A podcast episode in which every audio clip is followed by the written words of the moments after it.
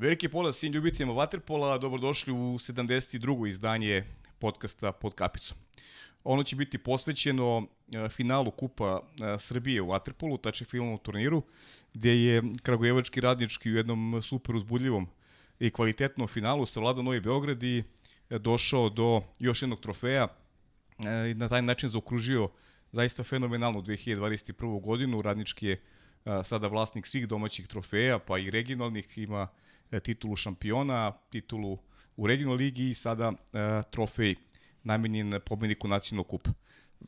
Finale je već prošlo, da ga ne komentarišemo sada mi ovde iz, iz nekog novinarskog ugla, zaista je bilo uzbudljivo, rekao bih čak i najkvalitetnije e, koje se održalo u 2021. godini kada pričamo o regionu, ali e, o, o tim stvarima pričat ćemo sa specijalnim gostom. Pre nego što ga predstavim, ja bih samo želeo da se zahvalim e, mom dragom kolegi Dejanu Stevoviću, koji je u saradnji sa e, velikanom ove igre, Đorđem Perišićem, e, uradio monografiju, e, monografija koja se zove Prvih 100, dakle 100 godina vaterpola na ovim prostorima i zaista jedno super izdanje gde možemo svi koji volimo ovaj sport da se upoznamo sa istorijom, sa istorijom vaterpola, da kroz fotografije onako i, i naučimo i spoznamo kako je to sve izgledalo u nekom ranijem periodu i e, kako se e, novim prostorima razvijao do evo, ovog aktivnog trenutka u kome je e, Srbija e, najbolje na svetu i e, ima dvostruko, dvostruko uzastupno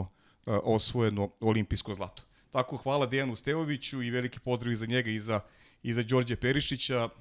Želim im puno zdravlja i da eto, možda bude još neki novitet kada govorimo o ovakvim stvarima i, i u budućnosti.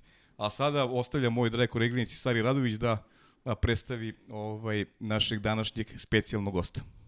E, zdravo Pavle i tebi. Zdravo. Evo, pošto nisam imala prilike prošle nedelje da prisustvujem, svima da želim e, srećnje novogodišnje i božićne praznike i da nam ova godina svakako bude bolja nego prethodna.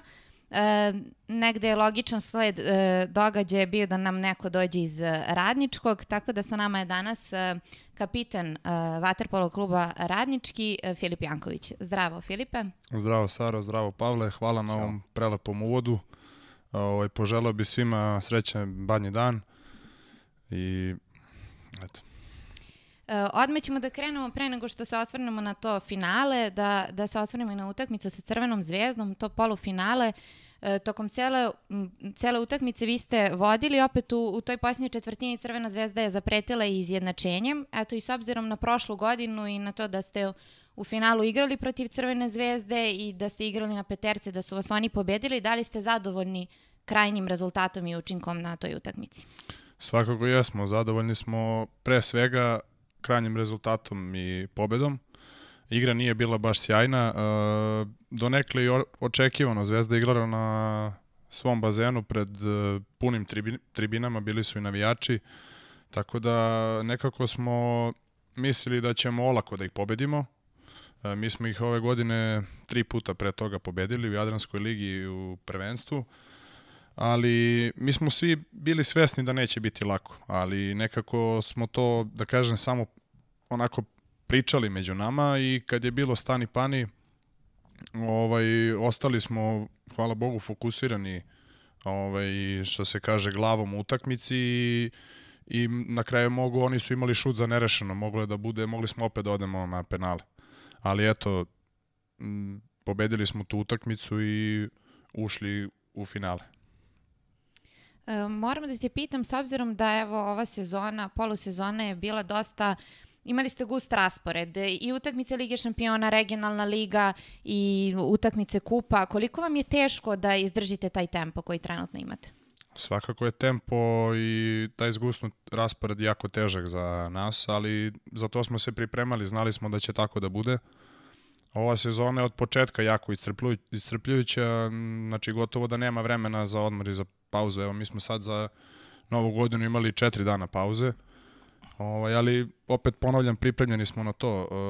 Od početka sezone m, promenljivo igramo, da kažem, i e, ne tražim alibi nikakav za to, ali svakako ovo je i dalje mlada ekipa koja ove godine m, igra tu ligu šampiona u nikad jačoj grupi, to moram da napomenem.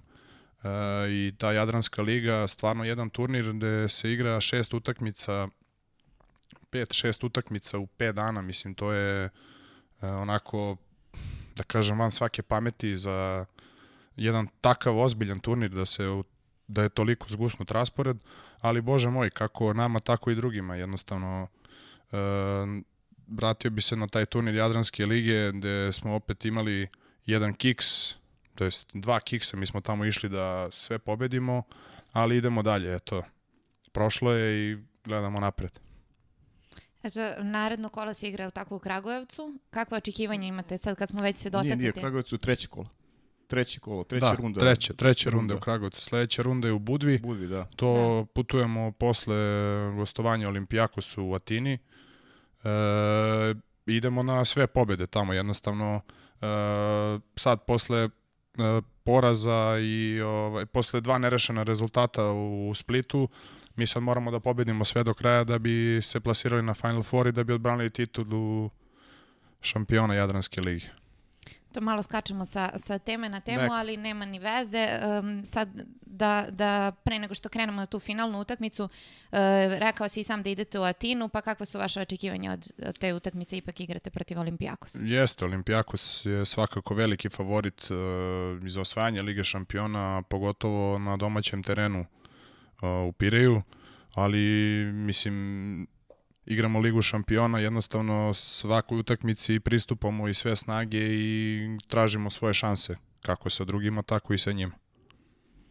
Naravno, ništa prelazimo. Da li bi se možda osvrnuo na, na utakmicu Crvenom zvezdom, da li bi istakao pa, nešto ili da prelazimo odmah na final? Pa mislim da Crvena zvezda to je radnički negde, ja sad, sad ne mogu sjetiti tačno taj neki moment, uh, neka propuštena prilika, čini mi se i, i, i, i onaj penal koji je, koji je Zvezda imala, tu se malo vratili, inače je bilo onako puna kontrola, rekao bih. Pa jeste, Do tada mi smo... malo ste zakomplikovali sami sebi situaciju. Mi smo gotovo, mi smo gotovo celu utakmicu držali pod kontrolom, tako da kažem. Jednostavno, eto, ta poslednja četvrtina, malo smo onako olako ušli u nju, ipak je to polufinale kupa.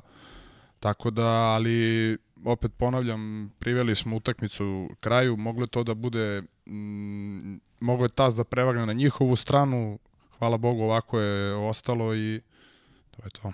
Ne.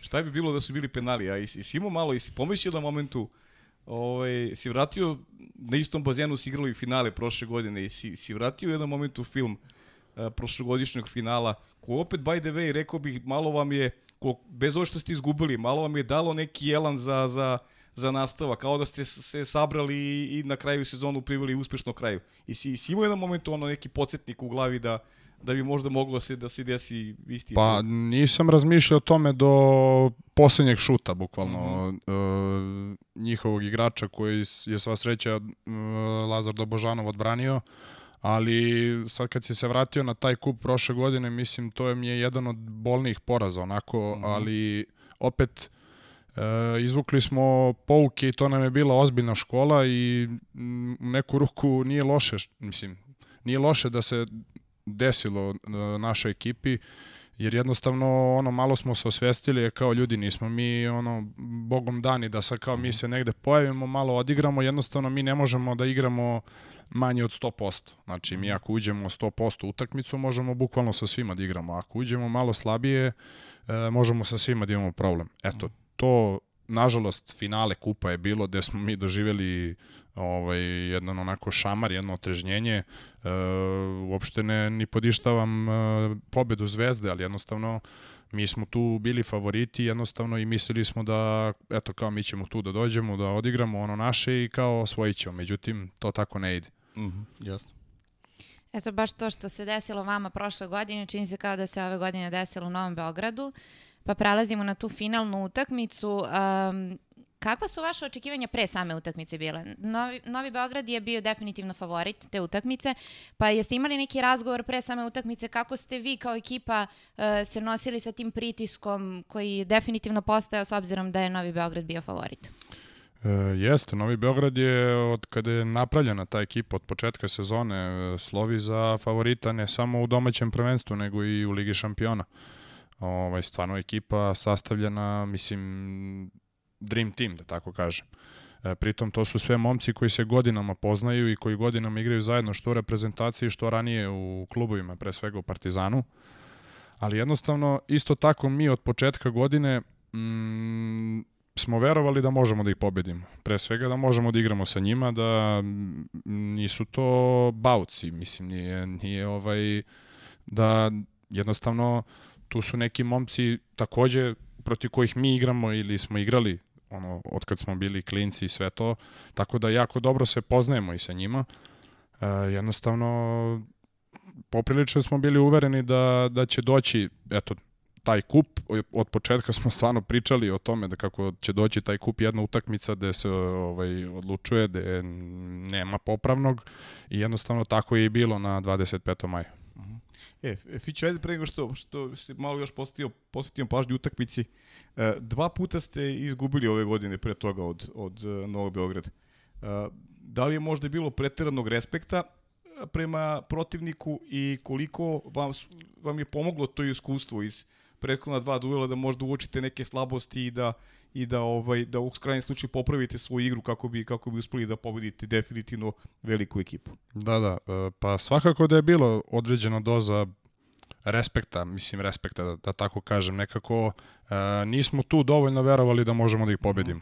Opet to je bio početak sezone, e, nismo bili e, još na tom nekom top nivou da kažem ni mi ni oni. Jednostavno mislim da smo e, prelako izgubili te dve utakmice. Te dve utakmice su bile bukvalno preslikane. Mi smo igrali, igrali i samo u jednom trenutku je bio neki pad. Neki neshvatljiv pad, ali e, svakako da su nam te dve utakmice sa njima značile da ispravimo te greške, da anuliramo te padove u igri koje protiv njih su nedopustivi jer i stvarno ekipa sačinjena od vrhunskih pojedinaca i jednostavno to smo ispravili što se kasnije videlo u finalu kupa. Uh -huh. E, da pređemo odmah na utakmicu. Uh -huh. e, dakle, prva četvrtina je završena, tačnije, e, Novi Beograd je prvo e, prvi, prvo je rezultat bio 3-0, vi ste posle toga dali dva gola i u poslednjoj sekundi Strahinja Rašović daje taj gol za 4-2. Nakon te prve četvrtine, kakva je atmosfera među vama i gde pronalazite motivaciju da kasnije utakmicu u potpunosti okrenete u svoju korist? E, pa jednostavno utakmica je baš počela onako kako nije trebala. Mi smo bili u nekom grču uh, uh, po nekim pritiskom, mislim... Realno neka... mogli su i više da vode. Kako jest, su jest, jest, jest. To se sad teo da kažem. Uh, oni jednostavno su onako furiozno krenuli, onako poveli 3-0. Mi smo ono bili u fazonu prosto olako su došli do tog rezultata, moglo je i više da bude, ponavljam. Nama je nekako trebao taj jedan gol u napadu da, što se žargonski kaže, probijemo, da onako, da krene naša igra. E, nismo imali nikakvu organizaciju u napadu, nije nas ništa išlo i onda je Ćuk dao taj gol, e, još jedan gol za njim, e, Lukić omašio penal, nekako, ali e, snaga naše ekipe jednostavno što kada su te velike utakmice i kada je onako tenzija, uh, niko od nas ne gubi glavu, jednostavno uh, svi smo kao jedan u tim trenucima. To je neka što, to je nešto što nas karakteri, karakteristiše uh, od kad smo da, da kažem pre tri godine od kad sam ja došao, ja, ja i od ranije, to je nešto što je karakteristično za radnički. E, opet, da, rekla si, Strahinja je dao go za 4-2 i tako se ušlo u, u drugu četvrtinu. E, mi smo onda u toj drugoj četvrtini počeli da igramo i onda je, da kažem, ta naša igra, naša odbrana, prevashodno smo spremali odbranu za njih, jer jednostavno mi sa ekipom Novog Beograda jednostavno e, ne možemo da igramo na go više. Naša igra se ne bazira na, na golu više, nego na go manje. I znali smo da ako zategnemo odbranu, da kažem, ispustimo ih na neki normalan broj golova da možemo da pobedimo u toj utakmici.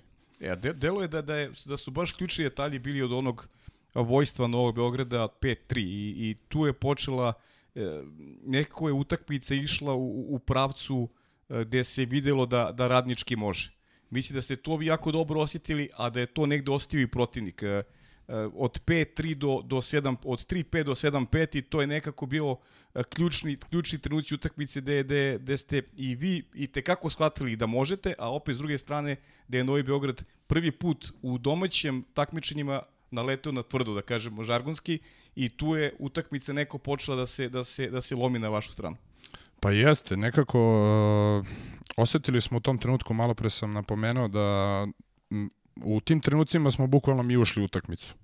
I u tim trenucima smo počeli da igramo. Uh, počeli smo da igramo na naš karakterističan na, način, znači agresivan, jak pressing, jako plivanje, uh, jednostavno ta fanatična energija što nas krasi i jednostavno uh, oni su tu da kažem ono, ne mogu da kažem oni su momci bili spremni na to, ne mogu kažem da su bili u čudu, ali jednostavno e, mi smo se bolje snašli u tome. -hmm. e, onda je publika nekako to osetila i svi su nekako uz nas stali, što i mi dobro znamo da primetimo u, i u mhm. toku utakmice i u vodi. I jednostavno ta energija nas je vodila. Bodrenje jedan drugog, e,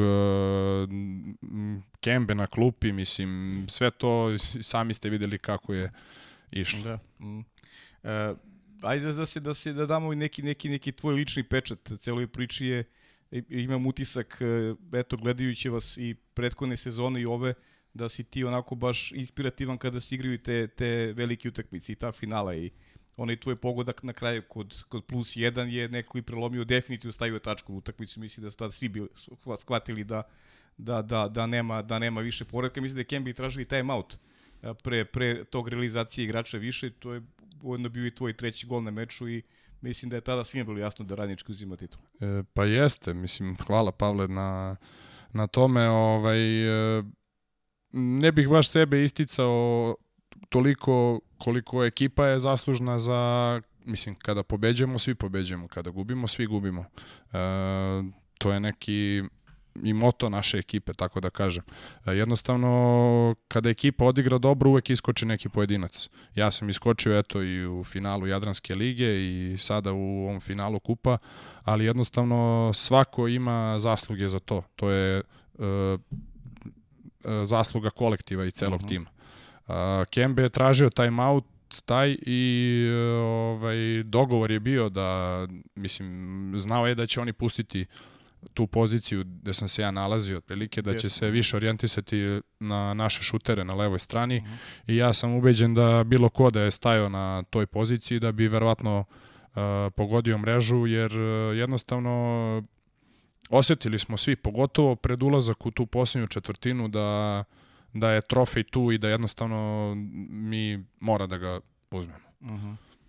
E, tu je bilo oni prilika za ubedljivije, on imao, imao je Vrlić onu, onu prečku, imao je lep, lepu šansu da, jeste, da jeste, tu, uđe u, u, čak i onako baš mirnu jednu znači, završnicu. tu mi je dah zastao onako ozbiljno, on je dobio loptu, ja sam je već video u golu, Da. Uh, on je šutno jednom, uh, Gojko mu je odbranio, on je šutno drugi put, Gojko mu je odbranio, ja se ovako okrećem i vidim Strahinju koji je već isplivao onako u kontru uh, po njegovom starom dobrom običaju.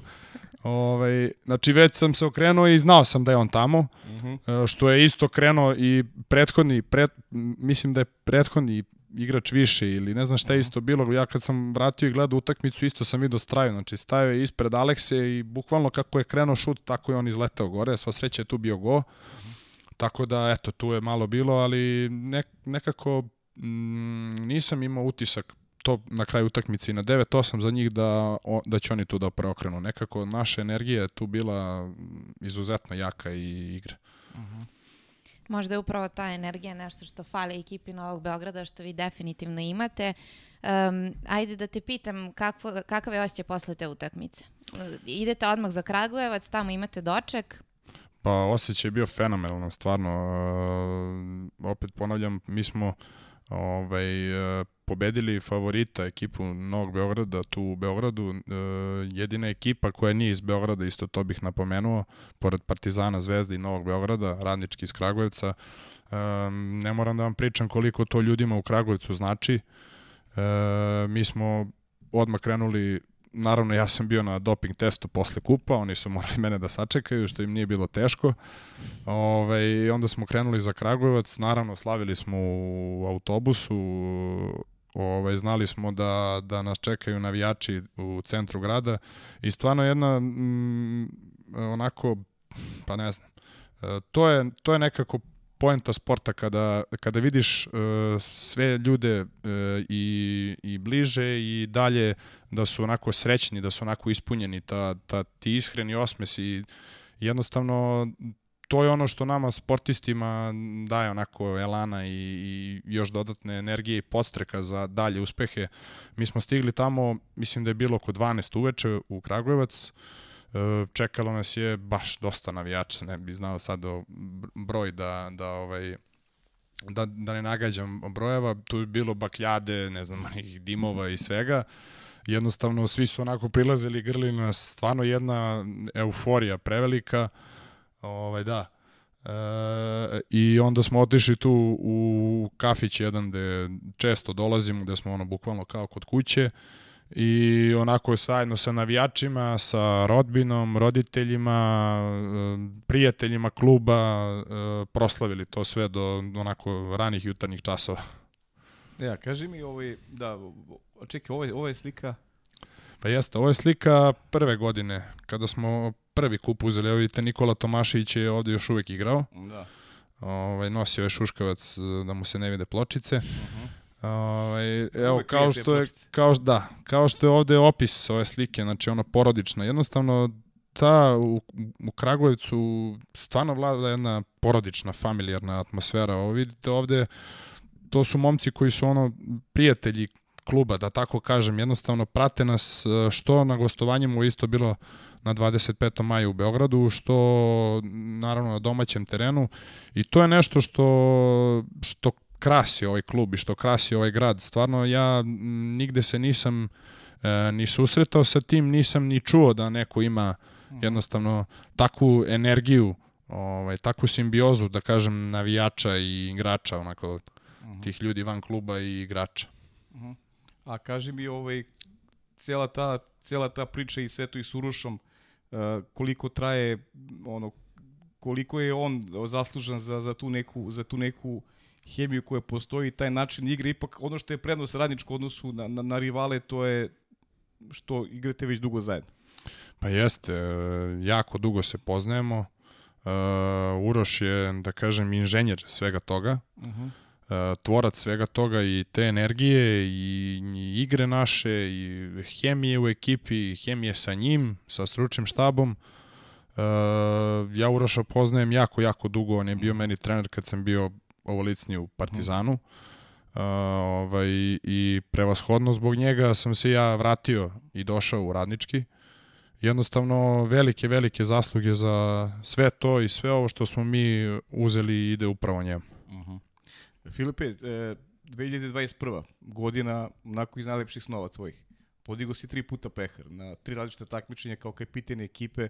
Ja ne znam, malo je njih koji mogu da se da se podiče ovaj takvim rezultatom. Tako da ti si ovu pro, prethodnu godinu ispratio onako sa velikim ospehom na licu i ko, koliko to tebi znači kao neki zamajac za, za, za dalju karijeru i aj malo da nam evociraš i te uspomene sa, sa ta dva prethodna finala, pošto nisi imao prilike da pričaš o njima ranije. Bar Jest, nas. Da, da. E, Stvarno, kad se malo osvrnem onako na prethodnu godinu, e, veliki smo uspeh postigli. E, ja kao kapiten ove ekipe, mislim, kapiten tih stvarno vrhunskih momaka i drugara, Mhm. mi smo stvarno kao jedna velika porodica. E, Velika mi je čast što njih predvodim i što dižem ove trofeje ispred njih. Jednostavno prvi put u istoriji ovog mladog kluba smo uzeli prvenstvo Srbije, da krenemo njega.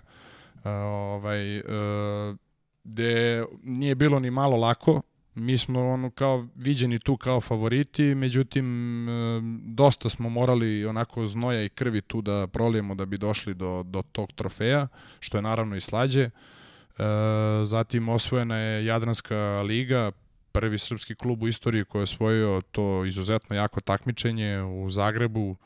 E, pobedili smo mladost na njihovom bazenu, polufinalu, e, jug u finalu. E, I to mi je, to je onako, mislim, to mi je bilo ono, malo i neverovatno da smo mi to uspeli da uradimo, jednostavno jer e, e, to je bio prvi trofej gde je onako stvarno uh, cela ekipa, mi svi smo malo bili u čudu posle te utakmice, jedno, jednostavno uh, stvarno veliki uspeh.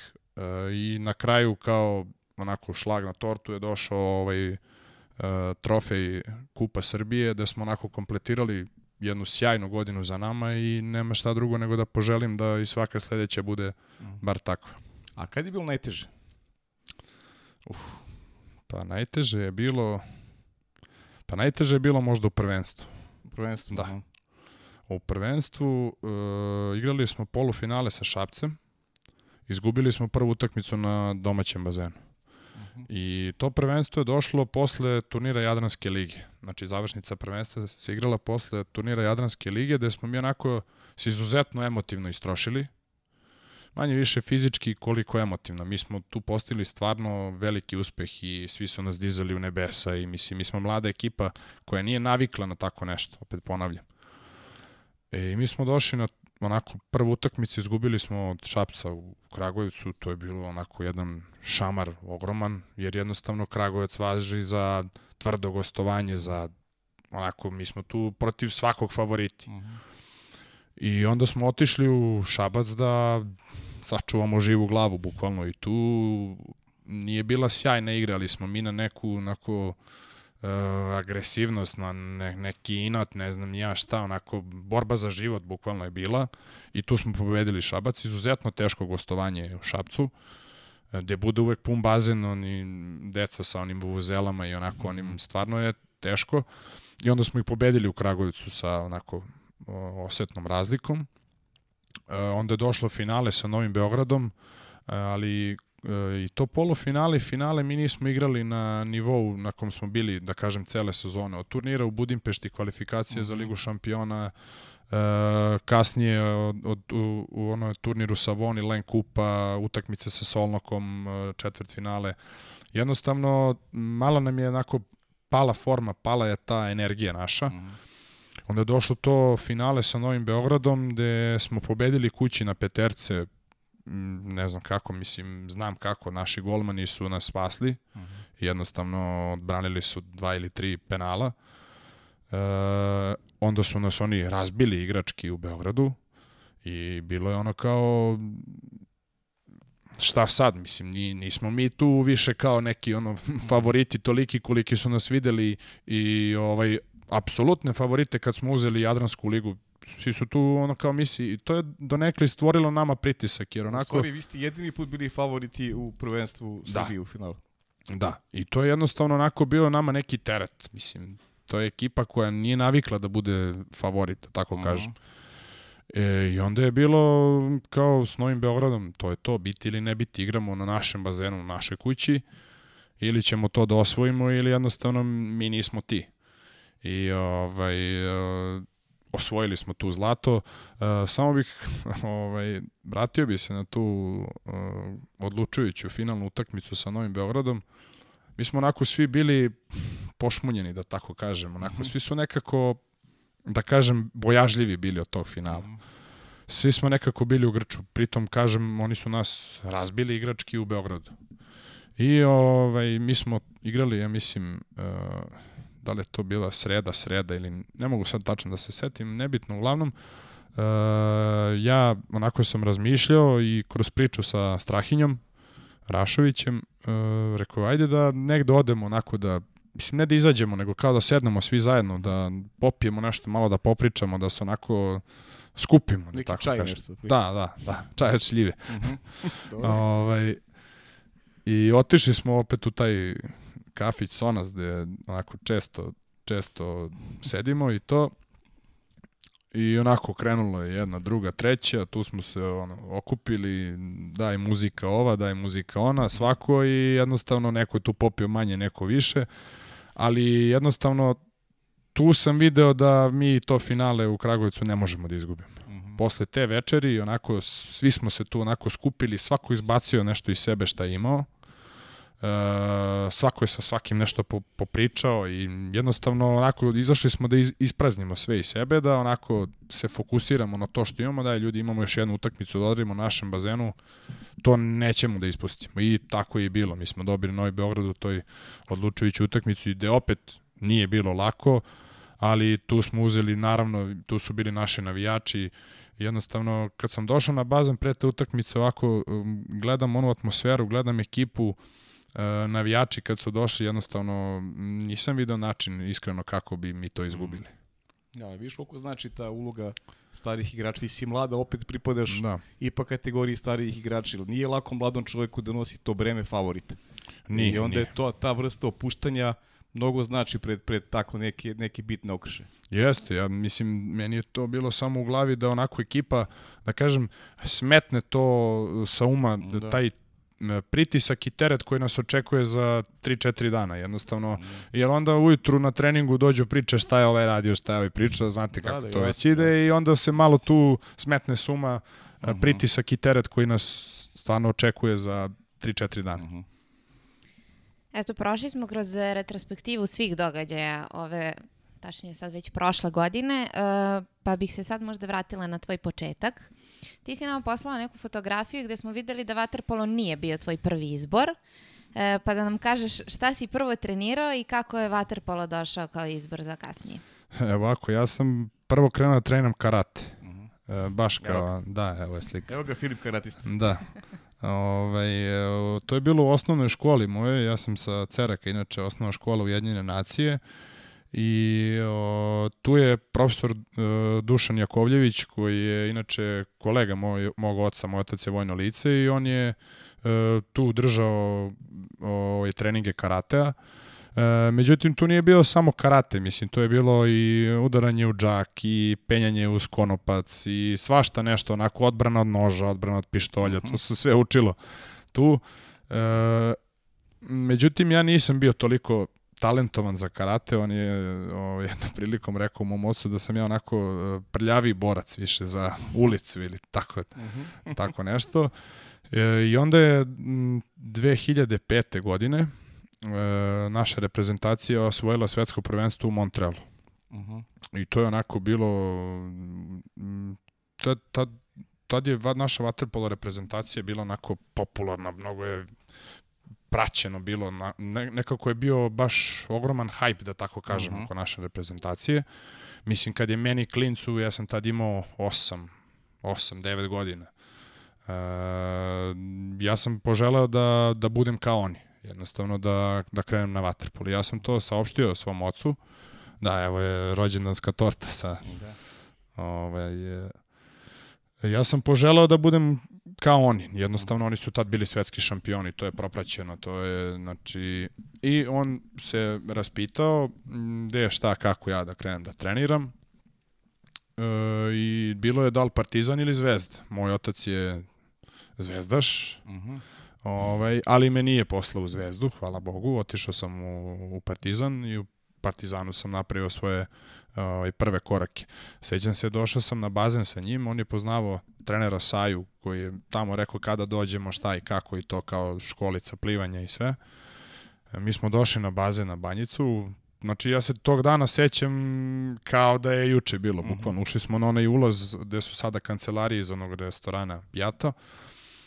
Tad je bilo pet četvrtina još. I ušli smo na bazen ja onako gledam, kao, re, rekao nam je Saja da se presvučem ja tu na tribinama, odmah levo, e, doći će trener Mirko, uh. -huh. Mirko Bosanac pokojni, ovaj, da, on dođe po mene da vidi kako ja plivam, šta sve. E, I ja sam ušao na bazen, onaj bazen je uh, vrveo od dece, od, znači, pun i, i veliki bazen i onaj mali iza, kako ga mi zovemo. Jednostavno, Mirko je došao tu po mene, onako grubim njegovim glasom me odveo do tog malog bazena. Ono, ja sam uskočio u vodu, on mi je rekao, ajde plivaj kraul, plivaj, plivaj leđno, malo prsno, ne znam ovo, ono, i rekao mi je dođi u ponedeljak u 7 uveče, bit ćeš u drugoj grupi. Tada je bilo uh, pet tih uh, grupa kao školica Waterpola. Uh, prva je bila, da kažem, najgora, a peta je bila najbolja. Posle pete se išlo u prvu takmičarsku grupu, to je onako, onako oni petlići. I ja sam upao prvo u tu drugu i neposredno posle toga, mislim, kratak vremenski period, period je prošao, ja sam do te pete došao i -huh. posle, pa ne znam, godinu dana je bila ta kao prva takmičarska. Ja se tada sećam uh, koliko je koliko je dece bilo, koliko je, znači u toj jednoj grupi je možda bilo 20 dece. -huh. I sad mi kao klinci dođemo na trening, mi smo se trkali, bukvalno ko će da bude prvi u koloni na treningu, jer ono, kao klinci mislimo ko je prvi, drugi tu, ono najistaknutiji, on će da napreduje. To jednostavno, mi smo se bukvalno trkali ko će pre da se skine, da dođe do ivice, da naš kao -huh. trener primeti njega i to. -huh. Ovaj, tu je naravno bilo i, i batina i dranje i svega. E, tada se malo drugačije obhodilo prema deci. Jednostavno, sećam se pokojni Mirko, udarite šakom ovde po leđima ili te, ti lupi čvrgu po glavi, nema kao tužim se roditeljima i to, nego stvarno znaš da si, neš, da si napravio neku glupost ili nešto i, da. da, i trudiš se da ne dolazi do toga. I eto, onda posle toga ta prva takmičarska grupa. E, tu su bili e, Stefan i Miloš Ćirić, uh -huh. e, bio je Nemanja Knežević koji je sad u Kazahstanu, e, Mita, Mitrić Nebojša koji je sad u Partizanu, -huh. on je bio tu kao koordinator tih mlađih uh -huh. kategorija. E, Zoran Milenković koji mi je bio kasnije trener i u prvom timu i kasnije tu došao Uroš Stevanović iz Crvene zvezde i eto, od ta datira naše poznanstvo i da. saradnje. Uh mhm. -huh. Hoćeš ti? Pa evo, odgovorio je na moje naredna tri pitanja, tako da bi možda pri, presekla ovu uh, priču sa jednim video pitanjem, pošto Može, ih imamo tri, pa ide da krenemo odmah sa tim. Pozdrav za sve u studiju, pre svega da vam poželim srećne praznike, nadam se da ćete ih provesti na najbolji mogući način. A što se tiče mog kapitena, postavio bih mu dva pitanja. Prvo, da li je istina to što se priča po ekipi, da svaki put kada ubaci nekog igrača u fantaziju, on prestane da igra, to je da donosi bodove. I drugo pitanje, a, kome najviše voli da apludira prilikom kašnjenja na trening? Pozdrav! Zanimljivo. Jeste. Ali njemu ne, njemu ne nameštam toliko ovaj, uh, fantasy ekipu. Mi imamo ceo tim igra tu fantasy Premier ligu, uh -huh. zajedno sa trenerima, zajedno sa Jugoslavom uh -huh. i ovaj, Igorem, foto, fotoreporterom. E, tako da Lazi do Božanovu sam nameštao tim, uh -huh. on je bio ispred mene, znači bolje rangiran. I onda je krenuo njegov kiks, onako pad na tabeli, pa zato me on pita, a inače Todor ovaj, kad god misli kao on da ubaci nekog igrača i nešto priča, ja ga ubacim i onda mi on zamera kad taj igrač donosi poene, tako da ovaj, eto, lazi, lazi najviše volim. A ovo za aplaudiranje, evo baš sinoć sam njemu aplaudirao, Todorovskom? Da, Todorovskom, ali on se ovaj, bunio, pošto to aplaudiranje je kada neko zakasni na trening, onda tu ide simbolična, da kažem, novčana kazna koja ide u zajedničku kasu uh -huh. i mhm. onda kupujemo nešto za nas, za mhm. ekipu. Uh -huh. I zato je to aplaudiranje što on priča. Uh, sinoć je on dobio aplauz, ali on se izlačio kako se javio Kembetu da će kasniti i to. Ja ga pitam pa što nisi došao pet minuta ranije od ovog dogovorenog. Ovaj, ali uh, Lazi, Lazi i Toholju, njima najviše volim da aplaudiram. Tako, a? Oni se nekako najviše iznerviraju na to. Aha. Znači... Ali ni ja ne volim da meni aplaudiraju. Jednostavno, jednostavno volio bi da uđem na neki drugi ulaz kad bi mogao da samo ja ne dobijem te aplauze. Više aplauze. Da. A kaži mi, Fiću, kad smo pričali sada o tim, o tim početcima, da te vratimo, ovaj, ko, ko, koje generacije pripadaš? Ko je još tu sa tobom bio u prilikom toga, eto, kažem, stasavanje u Partizanu i, i prolazak kroz te mlađe selekcije gde je uvek Partizanu bilo jedno veliko čistilište u, u suštini. Niste mogli svi da zaigrate za, mm, za, jest, za prvi jest. tim. Ja sam generacija 96. Ja sam tu sa generacijom 97. 96. 95. i 94. da kažem odrastao. Mm Uh, moja generacija uh, Ognjen Stojanović, uh -huh. uh, Đorđe Lazić koji je sad u A reprezentaciji olimpijski šampion, on je malo kasnije došao iz Zvezde. E, jednostavno, kao što si rekao, veliko čistilište. E, mnogo je tu bilo igrača i mojih, moje 96. generacije i godinu dana starijih i mlađih, što ih se ja najviše i sećam, ali jednostavno baš, baš malo njih je ostalo. Mm -hmm. uh, Jakšić je 97. Mm -hmm. da kažem i s njim sam odrastao. Uh, Radojević 97. Mm -hmm. koji Filip, je sad, mm -hmm. da, Filip mm -hmm. Radojević koji se vratio u Partizan. Uh, jednostavno s njima sam krenuo da kažem. Uh, od ovih starijih tu je bio Mateja Sanović, uh, Gogov, koji je isto došao iz Zvezde kada se Zvezda raspala. Uh, ima tu mnogo igrača, ne bi nekog sad da, da zaboravim, okay. ali jednostavno to je ovaj kao što si rekao, opet, opet se vraćam na to čistilište, jednostavno baš kad onako malo vratim film, koliko nas je tu bilo, koliko je malo ostalo nas, da kažem, u, u, u tom stvarno, da kažem, vrhunskom nivou, u, u vrhu.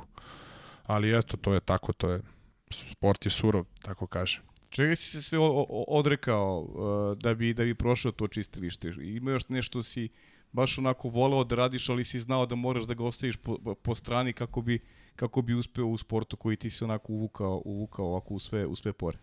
Pa mnogo toga. Od nekih e, sitnica, e, moji drugari posle škole odu ostave stvari kući i odu mm. igraju se na polju, ne znam. Ja odem na trening. E, moji drugari celo leto spavaju do 10, ja ustajem ujutru u 8, pešačim do autobusa, idem na bazen dva puta dnevno leti treninga. E, odlazak u selo, ne znam, e, na more sa mojima, na more sa društvom, toga jednostavno nije bilo. Ali ja na to nisam gledao kao na neko, bog zna kakvo odricanje, uh mhm. -huh. jednostavno, vaterpolo je moj život, ja sam to kao mali onako presekao, mislim presekao, to je moja odluka bila, jednostavno to je nešto što me najviše ispunjava, nešto što je deo mene i uopšte nisam na ta odricanja gledao tako. Znam da mi je majka sto puta govorila, evo, sine, znaš, ono, to je na ivici ludila nekog. Znači, mm -hmm. ustaneš u 8 ujutru, ideš uh, autobusom na bazen, tamo uskačeš uh, u januaru mesecu, ne znam, u ladnu vodu i to, uh, kući povratak, onda uveče opet ista priča. Uh, jednostavno, svi smo mi vrhunski sportisti, da kažem, uh, malo Mm -hmm. malo, malo, malo na svoju, da, na, svoju ruku. Jest.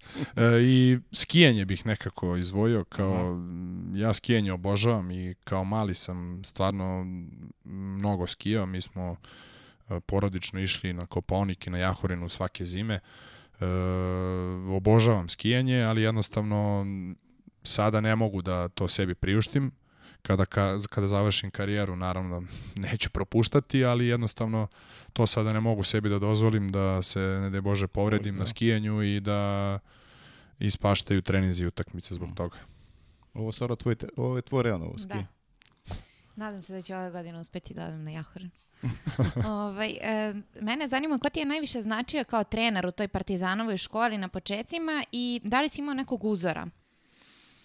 E, ko mi je najviše značio od uh, trenera? Pa ne, ne mogu niko konkretno da izdvojim. Svaki trener je dao neki svoj pečat u tom uh, u tim mojim početcima. Uh, kao što sam rekao, tu su bili braća Ćirići, Zoran Milenković, Zoran Kontić, posle kad smo malo kad sam malo porastao da kažem, tu je bio Igor Gočanin i Nenad Vasilovski. Uh, jednostavno mnogo je trenera tu prošlo. Uh, i e, ne bih nikog konkretno izdvajao, ali e, neki su bili malo stroži, neki su bili malo blaži. Jednostavno, Kembe spada u tu grupu malo strožih. Mm -hmm. Evo, baš na, na, na badnji dan on je imao ovaj, običaj da nam kaže ajmo sad plivamo, jer kakvi budemo danas, takvi ćemo biti cele godine. Tako da, e, ne bih nikog od trenera tu izdvajao, jednostavno svako je, svako je tu nešto utkao u mene i u moju, u, u, da kažem, u moju karijeru i odrastanje. E, a ko mi je bio idol e, od, od igrača starijih ili reprezentacije ili a možda kad si bio Kako mlađi, god. ko ti je bio ono da, da e, si... Pa idol mi je bio Dači Kodinović. Uh -huh. e, on mi je, njega bih izdvojio. I, imam kapicu koju sam dobio kao baš mali od njega i dalje čuvam kući mi je. E, njega bih izdvojio, on mi nekako ne znam, najviše mi se u toj uh, generaciji starijoj, da kažem, kad sam ja bio mali i kad sam ih gledao, on mi je nekako bio omiljeni. I on mi je, da kažem, bio idol.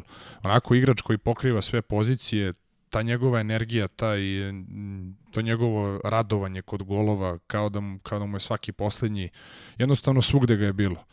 E, I jednostavno u velikim utakmicama uvek je dolazio do izražaja. Mm -hmm. Sećam se i tog finala u Montrealu. Montreal, da. Da, on je tu dao četiri gola mm -hmm. sa četiri različite pozicije, jednostavno on je meni bio igrač za velike utakmice i stvarno strašan igrač, on mi je bio idol da kažem.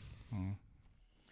Hoćemo da zaokružimo priču o Partizanu, da ti prepustim to, pa da pređemo posle na Kataniju. Ajde, hoćemo da zaokružimo priču o Partizanu. Partizan je priča gde si se susreo i sa, i sa prvim trofejima, naravno, i to je onaj period koji nije bio lak za, za Partizana, po najmanje za vas koji ste igrali tada u Partizanu s obzirom na, na situaciju koja je, koja je bila u klubu, manje više svake sezone nova ekipa, odlivi igrača, popunjavanje igračkog kadra sa, sa sve mlađim momcima i to ono što što ove nove generacije danas imaju sreću da stasavaju uz vas starije igrače i to je to je njihov veliki benefit, nešto što što ti kao mlad momak nisi baš imao prilike da da da spoznaš.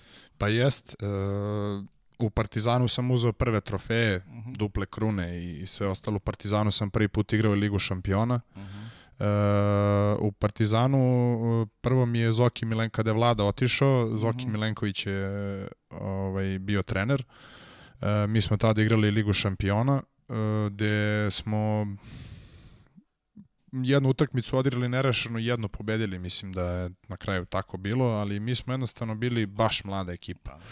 Uh, tu je najstariji bio uh, te godine Đorđe Tanasković, momak koji je 94. godište, znači E, toliko smo bili onako zeleni, da kažem, tu su bili Jakšić, Drašović, e, Lazić, e, Andrejević, Lukić kojim sad igram, bio je Laza Dobožanov, Toholj je bio, Manojlović isto centar, Ogi Stojanović, stvarno jedna mlada ekipa, ali izuzetno perspektivna. I jako mi je žao što ne samo ta ekipa i ove prethodne i ove malo posle toga što jednostavno ta ekipa nije ostala malo duže na okupu. Mislim da bi to bila ekipa za velika dela. Uh -huh. Ali izuzetno, izuzetno jedno teško vreme za, kako za mene, tako i za sve nas tu, mislim i za trenere, jer nije lako treneru kada ima 15 igrača koji su i nezadovoljni zbog hladne vode, zbog uslova, i zbog para, ali ajde manje više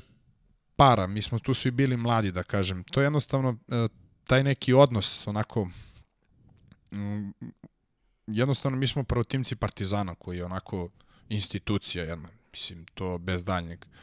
I mi dođemo u januaru mesecu gde je hladno u slačionici, gde je hladno na bazenu. Mm. E, ne dobijemo opremu do bukvalno pred kraj sezone. I tako neke stvari onako koje su još tu prolazile, stvarno jedna teška sredina, a opet s druge strane prelepa za igranje. E, igraš za jedan stvarno gigant od kluba na banjici koja je hram Waterpola i ovaj tu sam stvarno proveo prelepe godine, mislim, to je moj klub, to su sve momci koji su odrasli sa mnom. E, I eto, onda sam kasnije otišao u Kataniju, ali o tome ćemo da. posle. Aj kaži samo koji ti trofej bio najdrži sa Partizanom, kad je onako neki, neki posebna posebno emotivan i, i, i, i, i najvažniji možda za tebe, za tebe i tvoju karijeru? E, pa izdvojio bih e, kup, finale kupa u Nišu, igrali smo finale sa Crvenom zvezdom. Uh -huh. e, bazen u Čajru je bio pun. Sa jedne uh -huh. strane su bili navijači Partizana, a druga polovina navijači Zvezde. Uh -huh. Stvarno je bila jedna vrhunska atmosfera.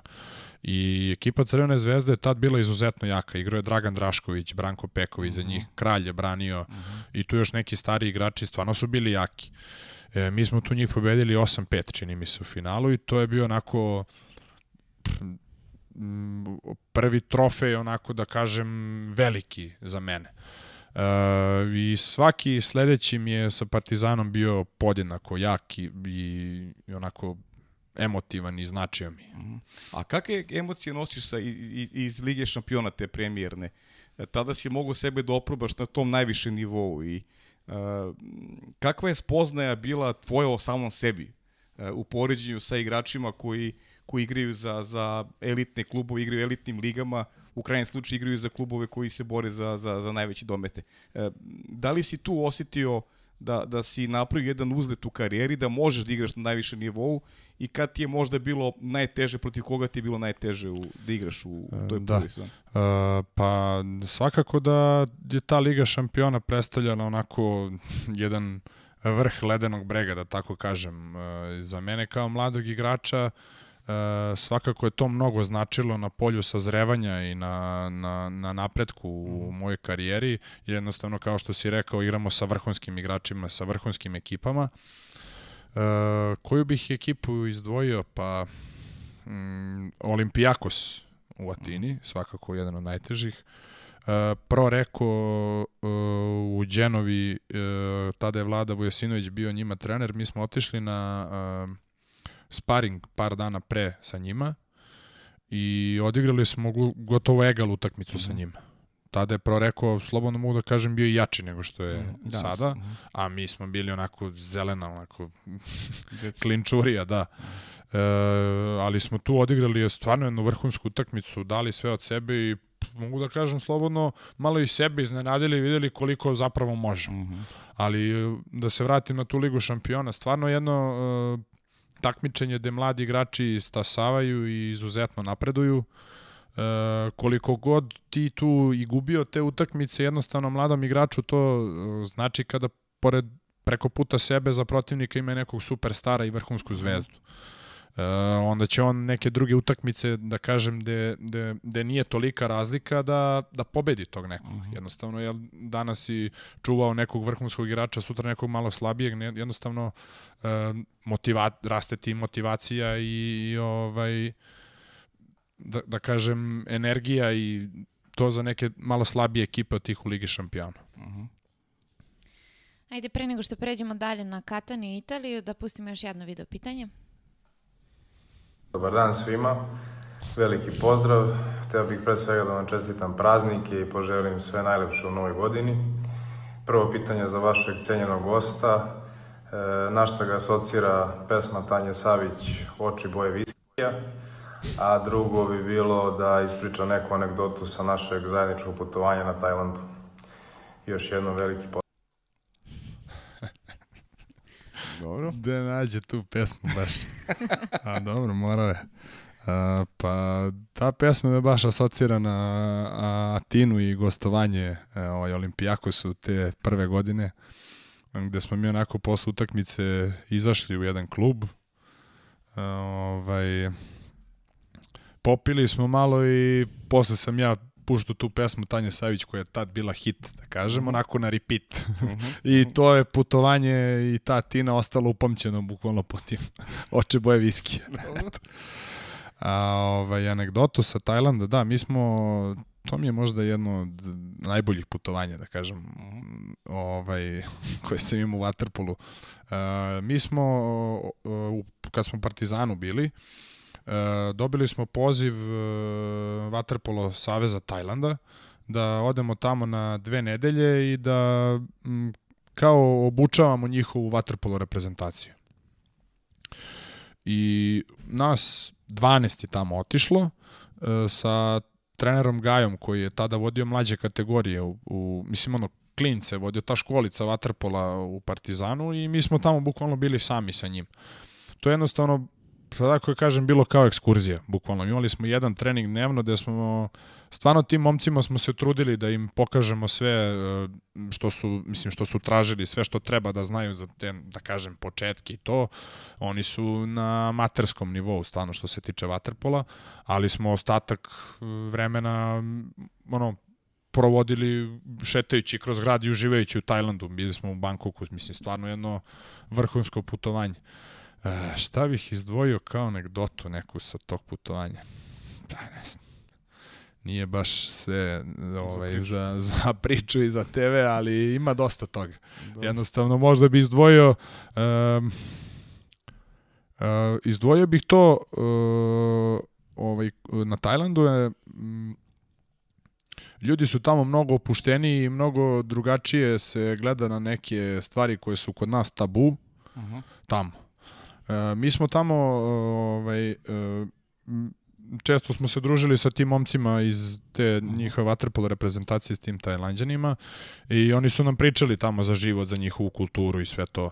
E, kod njih je, na primjer, normalno da e, transrodna osoba šeta ulicom i napada, da kažem, muškarci i to sve, tamo je prostitucija normalna stvar. -huh. e, za drogu se za drogu je bukvalno smrtna kazna, ali ove stvari su kod njih normalne. Uh -huh. e, što kod nas nije slučaj. I mi smo jednom otišli do tog turističkog mesta Pataja, uh -huh. Eto, to ću izvojim kao anegdotu. Uh -huh. e, tu smo se kupali na toj plaži, mislim, stvarno, Tajland je prelep.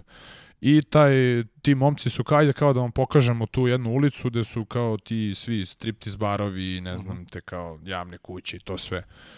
E, to je ulica kao kod nas, pa ne znam, možda kao da idete kroz uh, Knez Mihajlovu, uh -huh. eto možda malo uža, ogromna ulica, gde su sve ti striptiz barovi i bordeli. I mi kad smo prošli e, evropljani tu da tom ulicom, znači zavladala je prava pomama među tim ženama, oni su to, se tu zaletale za nama, što je bilo simpatično. E, e, niko tu jednostavno nema, nema na Tajlandu onako neke zle krvi, nema, osjeć, ljudi su stvarno slobodni, osjeća se neka opuštena atmosfera u, u, u, u vazduhu, da tako kažem. E, mi smo tu prolazili kroz tu ulicu i prolaze policijska kola, onako, kroz tu ulicu i ono gledamo kao u fazonu, ovo je, ono, je ovde javne kuće kao a, policajci Nema prolaze. reakcije. Da, to je tamo, mislim, normalno, eto, to je meni bilo onako kao, wow, da se tako nešto dešava. Uh -huh. Ništa da kažem, samo se zahvalimo, pošto se Sara se potrudila za ova video pitanja. Po, pozdravimo Aleksandra Drejevića i da mu se zahvalimo na učešću u emisiji. Hvala Andrejko na, ovim, na ovoj retrospektivi za Tajland. Baš ti hvala. Sad se selimo u Italiju. Ti posle Partizana odlaziš uh, u Italiju da igraš tamo, pa ide da nam ispričaš malo o Waterpolu koji si igrao tamo, kako je došlo do te odluke, ali i da nam ispričaš kakav je život bio u Italiji. Uh, pa do te odluke je došlo, uh, Katani je tražila golmana i beka. Uh, zvali su Dimitrija Rističevića i mene. Uh, trener Aleksandar Nikolić, uh, koji je bio pomoćni trener u Partizanu, je inače bio u Kataniji.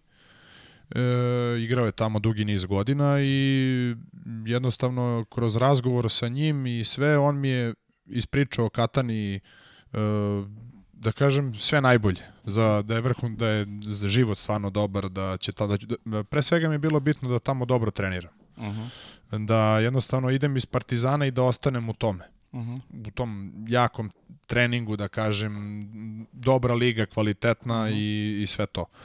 E, I oni su poslali tu ponudu meni i Dimitriju. Ja i Dimitrija smo se dogovorili i otišli tamo. E, ovaj, tad je stvarno bilo teško u Partizanu, jednostavno dosta sam se emotivno rastao sa klubom i sa, sa igračima, nije bilo lako, mislim, tu sam prve korake napravio i odlazim odatle. Uh -huh. e, eto, ja i Dime smo tamo otišli, e, živeli smo zajedno, mislim, tamo su, tamo je život stvarno prelep bar meni bio, e, živeli smo u kući na, na obali mora, bukvalno ogromna uh mhm. -huh. kuća sa ogromnim dvorištem, dve terase, ne znam, naša plaža, e, stvarno su, što se toga tiče, ljudi su se maksimalno potrudili, imali smo auto nov, bukvalno iz salona koji smo tamo koristili, koji je bio naš. I eto, to je, e, to su dobre strane, da kažem, Katanije. Taj život, -huh tamo koji, koji smo imali jezik, kultura njihova, e, Sicilija koja je prelepa, Katanija isto studentski grad, svašta ima da se vidi, svašta ima da se obiđe, ali što se tiče e, lige same i kluba kao kluba sa sportske strane, tu jednostavno Da, evo su. To je period, tako? Da, jeste, jeste, to je u Kataniji. Uh, jednostavno, što se tiče lige, treninga, uh, same, same ekipe, da tako kažem, to nije bilo na nekom ni, nivou na koj, koji sam ja očekivao. Uh, treniralo se stvarno jako. Uh, mi smo tamo imali jedan trening dnevno, ponedeljak, sreda i petak, utorak i četvrtak po dva. S tim što su i termini za treninge bili meni Dimetu neobičajeni. Treninzi su bili od 12 do 3 Znači ono kao teretana i posle toga bazen. Treninzi koji nemaju veze sa ovim što smo mi u Partizanu radili. Znači to je ponedjeljak i utorak suvoparno plivanje i to je to, teretana i plivanje. E, sreda kao isto neko plivanje sa teretanom na ivici, što sam ja prvi put tamo doživeo, znači da se teretana radi u kupaćim gaćama i da se posle toga skače i pliva i izlazi. E, četvrtak je bio, da kažem, onako malo kao mm, šut, e, kao neka taktika, petak isto malo taktika i subotu se igraju utakmice. Svi ti klubovi tamo izuzeo bih e, Brešu, Proreku i tada Sport Management, to su sve utakmice što se kaže na nož. Znači svako svakog može da dobije. Domaći teren se teško daje, ono doma, obično domaćin ovaj je jači da tako kažem. Ima ovaj bar na papiru ali svaka utakmica je ono na jedvite jade da nekog pobediš i kući i u gostima. E, tu bih ovaj, izdvojio Nenada Kačara koji je tada bio kapiten u, uh -huh. u Katani, mislim on je i dalje tamo kapiten. E, on je stvarno jedan veliki prijatelj i veliki drugar m, za ceo život. Jednostavno, stvarno prava onako momčina i prijatelj. Mi smo sa njim i jako brzo smo se tamo skopčali, ja i Dime sa njim. Jednostavno, puno nam je značio, puno nam je pomagao. Ja sam sa 21 godinu otišao od kuće. Da kažem, onako baš mlad. Yes. Ovaj, e, I tamo je totalno druga kultura, drugi svet. E, Sicilija je, da kažem, pomalo divlja, onako je anarhična. A jesi osetio tu divljinu negde kroz neki lični primjer? Ili? Pa nisam imao nikakvih problema Mhm. tamo, niti nekih neprijatnih situacija. Ljudi na Siciliji su onako izuzetno prisni i topli. Re- Rekao bih da im je temperament negde sličan Mhm. našim. E, taj južni deo Italije, da kažem, od, od Napulja i južnije i Sicilije i to, jednostavno drugačiji su malo od ovih Italijana na severu što sam ja i osetio, jednostavno živeo sam tamo godinu dana, stvarno vučem prelepe uspomene što se toga tiče i sa mnogim igračima iz te ekipe sam i dalje u kontaktu i sve to.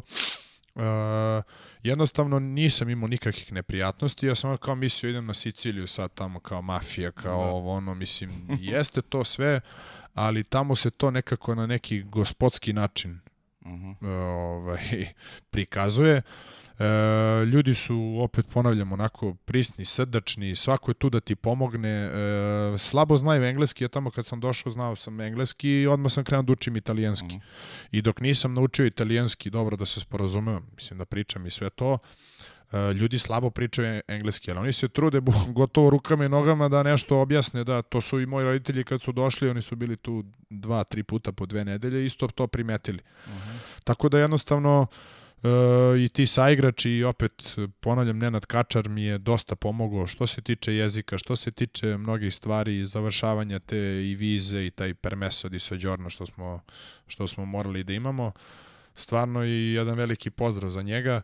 On je tamo m, dugi niz godina, on je inače oženjen Sicilijankom, ima dvoje dečice, sina i ćerku sa njom, tako da stvarno jedan prelep period što se tiče života, ali što se tiče te sportske strane koje je ovaj tamo to nije bilo baš kako sam kako sam ja ovaj eh, zamislio. zamislio da jako jedan težak period igrački pre svega eh, za mladog igrača mislim da to eh, nije bio pravi izbor to je jednostavno za nekog iskusnijeg igrača koji je onako da kažem na zalasku karijere Mhm. pa zna sve to kako šta ide. Ja sam jednostavno tamo bio ono kao bukvalno bačen u vatru, jer tamo se od stranca očekuje da on bude sve. Mislim, Mhm. od e, pomoćnog trenera do beka, centra, da igra onako sve. E, ne mogu da kažem da sam loše igrao, da je, da je sa te strane bilo nešto, ali onako sam bio nesnađen. Mhm. Za mene koji sam došao iz Partizana, da je onako ta filozofija Partizana e, svaka utakmica se ide na pobedu, e, trofeji, borba za titule, pa koje god takmičenje da igraš u Partizanu, ti ideš na trofej i na Aha. titulu. Znači nema kao, e kao borimo se da uđemo u polufinale, to ne, toga nema. Ja sam otišao tamo u sredinu gde je bila borba za opstanak. Znači oni su kao nama, to smo se Dime i ja kasnije tokom sezone ovaj, zezali, oni su nama davali neku premiju za kao ulazak u play-off. To je bilo prvih šest. Uh -huh. Mi nismo bili blizu prvih šest. Jednostavno, tako, tako nas se zadese. Oni kao, kaže Dime, trebali su nam daju premiju ako opstanemo u ligi. Jednostavno, otišli smo u jednu sredinu gde je bilo kao borba za opstanak, a došli smo iz sredine da je bila borba za trofej. Onako, nije lako snaći se u tome. Totalno jedna druga koncepcija od te što smo mi imali u Partizanu. Jednostavno, stvarno je bilo teško i meni i njemu, ali opet e, velika škola i e, stvarno prelepa iskustva vučemo odatle. Uh -huh. e, aj pre nego što te pitam baš nešto, nadovezit ću se temu da, da pogledamo i to treći video pitanje. Pozdrav svima u studiju. E, pitanje za Fiću mog cimera, e, da nam kaže malo kakav je život na Siciliji, da, da nam opiše neki doživljaj, na primer, e, kako je bilo kad nas je sačekao auto sa probušenim gumama, kad smo se vratili sa jednog gostovanja. Pozdrav svima. Hvala, hvala Dime Turističeviću, puno. Hvala Dime. pa stvarno imali smo pregršt lepih stvari, eto, Dime se sad setio jedne ne tako lepe, ali e, nisu bili baš probušeni, nego su nam i, izduvali gume. Uh -huh. e, to e, ovaj, u Italiji, na Siciliji pogotovo, e, postoje ti e, parkeđatore, kao uh, oni, to su ljudi koji kao na parkingu su uh -huh. i oni kao naplaćuju parking. Kao kad bi sad ovde kod nas, evo u ovoj ulici, neko stajao i ti se parkiraš i on kao dođe ti ti mu daš evro ili dva. Uh -huh. Eto, to je tako, mislim, van svake pameti, ali to je tako tamo funkcioniše. Uh -huh. Jednostavno, on ti kao tu čuva kola, jer na Siciliji jednostavno ovaj, ta kao automafija krađa automobila je u izuzetnoj ekspanziji, da uh -huh. tako kažem. I jednostavno, da, mi smo tada otišli u Napolju, u Napolju su igrali Đorđe Tanasković i Jogi, što je sad u Zvezdi centar, uh -huh. e, i mi smo ostali posle njih ovaj, posle utakmice sa njima u Napolju, e, između ostalo gledali smo Napoli Juventus tamo, e, i došao nam je taj taj momak što je tu kao na parkingu, a kao gde idete, kad, kad idete ovo ono, mi kao idemo, kao kad se vraćate, mi kao u ponedeljak, to je bio petak. I on kao, a to je 10 evra, ne znam ja ovo ono, kao da, na 3-4 dana na tom parkingu kao 10 evra. I mi smo tu bili kao u fazonu, pa čekaj druže, ovo je parking ono gde se ne naplaćuje ni nikakva zona ni ništa i mi smo tu njemu dali, ne znam, 3-4 evra. I on je tu nešto mumlao, ne znam, nešto je dobacivo, ovo ono, mi smo otišli na aerodrom i mi se vraćamo iz Napulja, treba da idemo na trening, trening je tad bio 12 ili 1, slećemo, dolazimo do kola, ulazimo, ja sam vozio tad dime, sedeo ovaj, na suvozačkom, I sad ta desna strana automobila koja je bila parkirana do, do ovaj, tog nekog zidića, gde ni, mi nismo mogli ni da vidimo, on je, taj momak je izduvao i i prednju i zadnju gumu. I time ulazi u kola i mi onako krećemo. Ja vidim nešto mi je čudno. Da auto nešto nije u redu. I ja rekao Dime da ovaj nije izbušio gume, Dime izlazi iz kola i ono izduvano je i prednje zadnja guma. I mi smo tu poludeli. Stvarno, sva sreća, taj momak nije bio tatu na tom parkingu. ovaj, I onda tu je bio vulkanizar neki baš blizu i mi smo otišli i naduvali gume i ispostavilo se da nije, nije izbušio, nego da je samo izduvo kao eto, znak upozorenja da smo trebali da ga poslušamo. Mm. Ali to što sam rekao da kao e, divljina, eto te neke stvari, e, ima jedna anegdota čim sam došao na Siciliju, e, prvih par dana sam bio smešten u hotelu jednom, ovaj, mi smo tamo, stranci smo bili Dime i ja, e, momak iz Splita, Duje Buzdovačić i Tomas Lukas Holandjanin. I ja sam bio u tom hotelu par dana dok se ta kuća nije sredila. E, I dolazi Duje po mene, koji inače iz Splita došao kolima ovaj, na, u Kataniju. I on me kupi i mi onako krećemo ka bazenu, sad to je ogromna ulica onako pored mora. I o, on staje na semaforu drugi u koloni. Uh -huh. Stao jedan čovjek ispred njega, on je drugi. I sad mi smo tek stali na crveno svetlo i kreću ljudi iza da trube da sviraju. Ja rekao šta sviraju ovi, su i normalni, koji mi đavo tek su pala crveno. I samo ovaj tip ispred nas kreće. I on prolazi na crveno. I Duje vozi prozir, rekao, šta radiš to čoveče? Pa on kao se krene se smeje, kao pa tako ti je to ovde. Tamo se nestaje na crveno svetlo. Znači staneš na crveno svetlo na semaforu ako ima pešaka, čim pešaci pređu, vozi se. Znači, tamo je totalna anarhija. Ja, ja dobi, dobili smo auto posle nekih dve nedelje. Ja se plašio kako ću u početku da vozim taj auto. Znači, Jasno. totalna anarhija. Tamo pešaci, kad im je zeleno, oni gledaju kako će da pređu. I to se, i jednostavno ljudi, onako, kao rajfešlu, svi onako nekako funkcionišu u, u, u tom ludilu. Da, jednostavno, tamo saobraćaj tako funkcioniš. Kružni tok. I tamo mi se mnogo svidelo. Nema ono kao neko me iseče, nisam dao migavac pa se kao svira. On, ne, to tako tamo kod njih je normalno. I ja sam se baš lepo uklopio u to. Moj otac i majka kad su došli bili su ono zgranuti mojim načinom vožnje tamo, ovaj, ali meni je, meni je bilo lepo to. Da, dobro, morali si... A čekaj, e, da ne zaboravim, ja kao veliki navijač Juventusa, zanima me utisci sa Napoli ja sam Juventus. veliki navijač? Juventusa, da, da. Join the club. Bianco Neri. Bianco Neri. Da, ovaj, e, pa fenomenalan, fenomenalna atmosfera, konkretno u celom gradu. Mi smo ostali, kažem, opet kod Đoleta i kod Jogija, ovaj, posle utakmice. On, Đole nam je kupio karte za Napoli i Juve. E, ta atmosfera u gradu dan pred utakmice i dan utakmice, to je nešto neopisivo. Znači, e, sve, sve nekako u tom tonu, sve nekako e, ti ljudi jednostavno žive za futbol. Pogotovo ti Napolitanci i pogotovo kad im Juventus, koji je tamo najomraženiji u celoj Italiji, Jeste. pogotovo u Napulju, posle svega onoga što se dešavalo sa Iguainom i to. Yes. Znači, haos jednom totalni. I ima jedna zanimljiva priča, mi smo išli, ima onako oni štandovi po gradu, ovaj, išli smo da kupimo išli smo da kupimo dres Napolija. I ovaj, ja, Đole i Dime idemo i sad tu mi ono gledamo, kupujemo dresove i sad oni imaju, uh, imaju dres Juventusa gde piše Juve Merde. Mhm. Pogrdna reč, ali i uh, imaju dres Cristiano Ronaldo koji vjerojatno im služi da, da se zapali ili ne znam ja, ne znam zašto im služi njegov dres. I uh, neki Rus je došao sa ženom i sa detetom i hoće da kupi Ronaldov dres. I sad ja i Dime ga ovako gledamo, Dime pokušava da mu objasni da ne treba tu da uzima Ronaldov dres, da ne, ne, on kao Juventus, ovo, ono, i tu kao mi Srbi, Rusi, i te priče.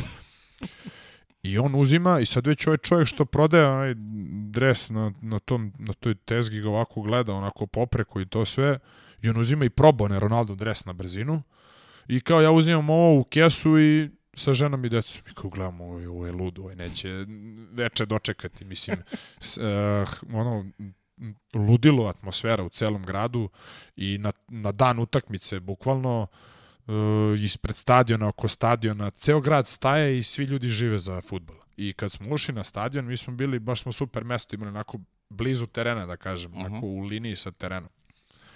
Ronaldo kad je izašao na teren, znači, ja to nisam video ni ovde kod nas, na našim utakmicama, znači njemu zvižde i psuju ga e, deca ovolicna i starije gospođe od po jedno 70 godina. Znači to je tako jedna haotična atmosfera, ludilo i Napoli tu izgubio na moju sreću. To se ja Da. mislim jedini na stadionu navio za Juventus.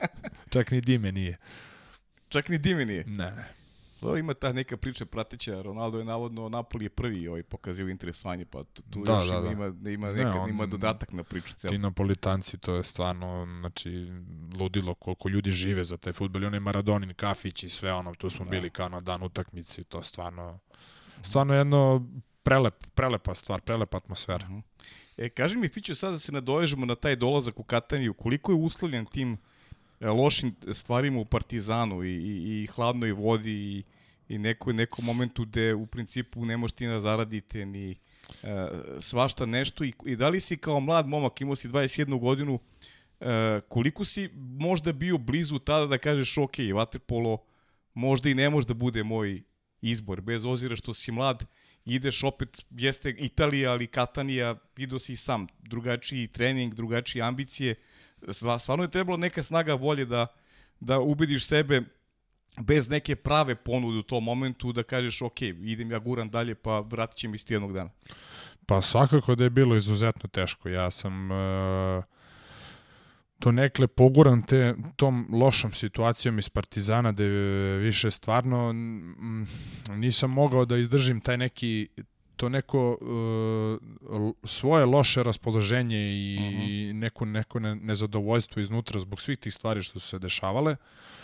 Jednostavno, ja dođem kući posle treninga ili uh, onako iznerviran, besan na sve, to je najviše moja porodica ispaštala, uh, koja mi je najveća podrška kako i u tom sportu, tako i u životu, naravno. Uh, Uh, I sećam se, majka mi je stalno govorila, ono, sine, nije ništa toga vredno tvojih živaca i tvog nerviranja i, i, i sve to. Mislim, jednostavno, tako je kako je. Mm -hmm. I ta Katanija uh, je bila onako ponuda da sam ja izabrao uh, najviše kao ta italijanska liga gde stvarno ima dosta utakmica kvalitetnih, to su sve kao ovaj uh, utakmice na nož, što se kaže, i e, kvalitetan život, mislim, kad bi mogao da odem da živim godinu dana na Siciliji, da mi, mhm. da mi, da mi nije toga. Ovaj, I prevashodno to, jednostavno neki, neki, neki pritisak koji, koji mi se sve više i više stvarao i na kraju je to sve i dobro ispalo. Jednostavno, tamo sam, da kažem, uživao u životu, uh, malo sa igračke strane e, i nije bilo toliko dobro, ali jednostavno dobro je što nisam ostao duže od godinu dana. Uh mhm, -huh, Eto, uh -huh. jednostavno stigo je poziv radničkog i onda sve ovo ostalo. Ajde, vratit ćemo se još malo na radnički e, na kraju, da, da, da, te, da u, te uvedem u, u ove repestivne e, selekcije. Ti si, ti si igrao za mladu reprezentaciju da. Srbije, imaš i, imaš i odličija, pa ajde, eto sam ispričaj priču kada si prvi put dogodio poziv, taj najveći uspeh koji si imao i malo evociri uspomene na, na, na te momente. Mm, pa ovako, i, m, igrao sam te turnire što, što su bili, da kažem, za mlađe kategorije, ti Darko Čukić. E, I tako, bio sam u reprezentaciji za evropsko prvenstvo e, za moje godište za 96. To nas je vodio Zoran Milenković na Malti, tamo smo uzeli srebro. Uh sledeće godine je bilo svetsko prvenstvo u Istanbulu, uh, isto za moje godište, bili smo četvrti. Uh, to mi je jako žao što na tom svetskom prvenstvu nismo uzeli zlato, jer smo stvarno, objektivan sam, bili smo najča reprezentacija uh mhm. -huh. ubedljivo, ali jednostavno mi smo izgubili polufinale na peterce od Španaca, gde je meni golman odbranio jedan peterac. Uh mhm. -huh e, i za treće mesto smo od Rusa izgubili isto na penale. Tako da jednostavno nešto malo nam je falilo da, stvarno nije, do dalo, tog, da. nije nam se dalo do tog zlata. I bio sam na univerzijadi uh, 2015. godine u Guangzhou uh, gde smo isto bili četvrti uh, mlada, mlada onako ekipa i uh, ne znam ovaj, isto smo izgubili protiv, izgubili smo od Italijana koji su kasnije bili u finalu, jedna onako ozbiljna reprezentacija Italije i izgubili smo od Amerikanaca za treće mesto gde smo onako totalno pali. Eto, tako to bih, to bih izvojio. Uh mhm. -huh. Evo, ovo je su univerzijade u Guangzhou. Kako si iskusa tamo, ono, Kina? Pa, jako, jako, jako neobično. Prvi mhm. put to da kažem, ovaj, u selu druženje sa svim sportistima, ovaj, što našim, što drugim, eh, ta kantina ili menza, kako se zove, jednostavno oseti se jedan duh povezanosti svih sportista u, mhm. -huh. u tom selu. Stvarno jedno prelepo iskustvo i meni, meni kao klincu još uvek tada je to bilo wow. E, nismo mnogo videli od grada tog uh mhm. -huh. Guangzhoua, mislim nismo se kretali van sela, ali celokupna ta sportska priča stvarno jedno fenomenalno iskustvo. Uh mhm. -huh. Fićo, ono što karika koja nedostaje, a reprezentacija, koliko, kako gledaš u, u, u tom pravcu, Uh, naravno, ne mogu svi igrati u reprezentaciji. To Tako je, je izbor je, izbor je mali, opet s druge strane znamo koliko ova prethodna generacija šta je napravila i zlata su se ređala u nizu. kakve su tvoje ambicije kada, kada pričamo o, o, o, o A reprezentaciji? Pa naravno, kao što si rekao, nije, nije ni malo lako ući u uh, najbolju reprezentaciju na svetu već dugi niz godina. Uh,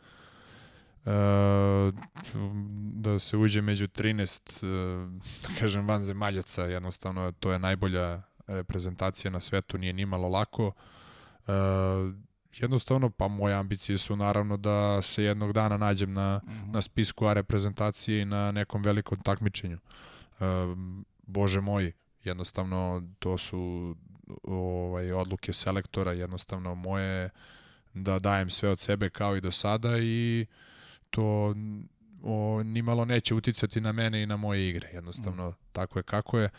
E, opet ponavljam, naša reprezentacija je daleko najbolja na, na, na, na svetu. Jednostavno, mi smo šampioni i to je to.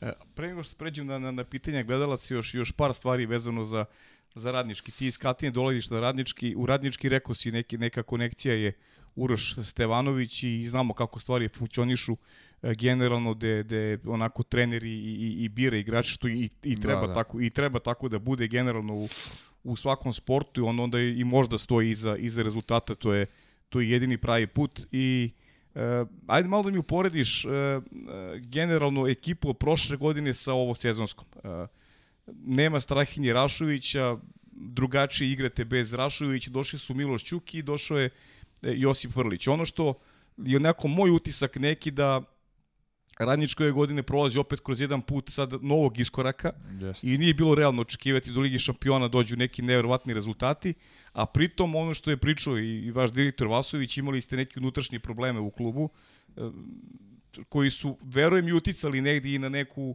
pa i vašu svest u krajnjem slučaju što niste od početka možda igrali u nekom, na nekom većem nivou. Da li bi taj veći nivo doneo možda bolji rezultati, to je sad veliko pitanje, ali neko ja smatram da je, da je ovo je još jedan period nadgradnje samo ka, ka neki, nekoj budućnosti gde, gde radnički može s pravom, ukoliko ostaje na okupu, da se nada i tom najvećim mogućim iskoraku, to je borba za, za evropsku titulu.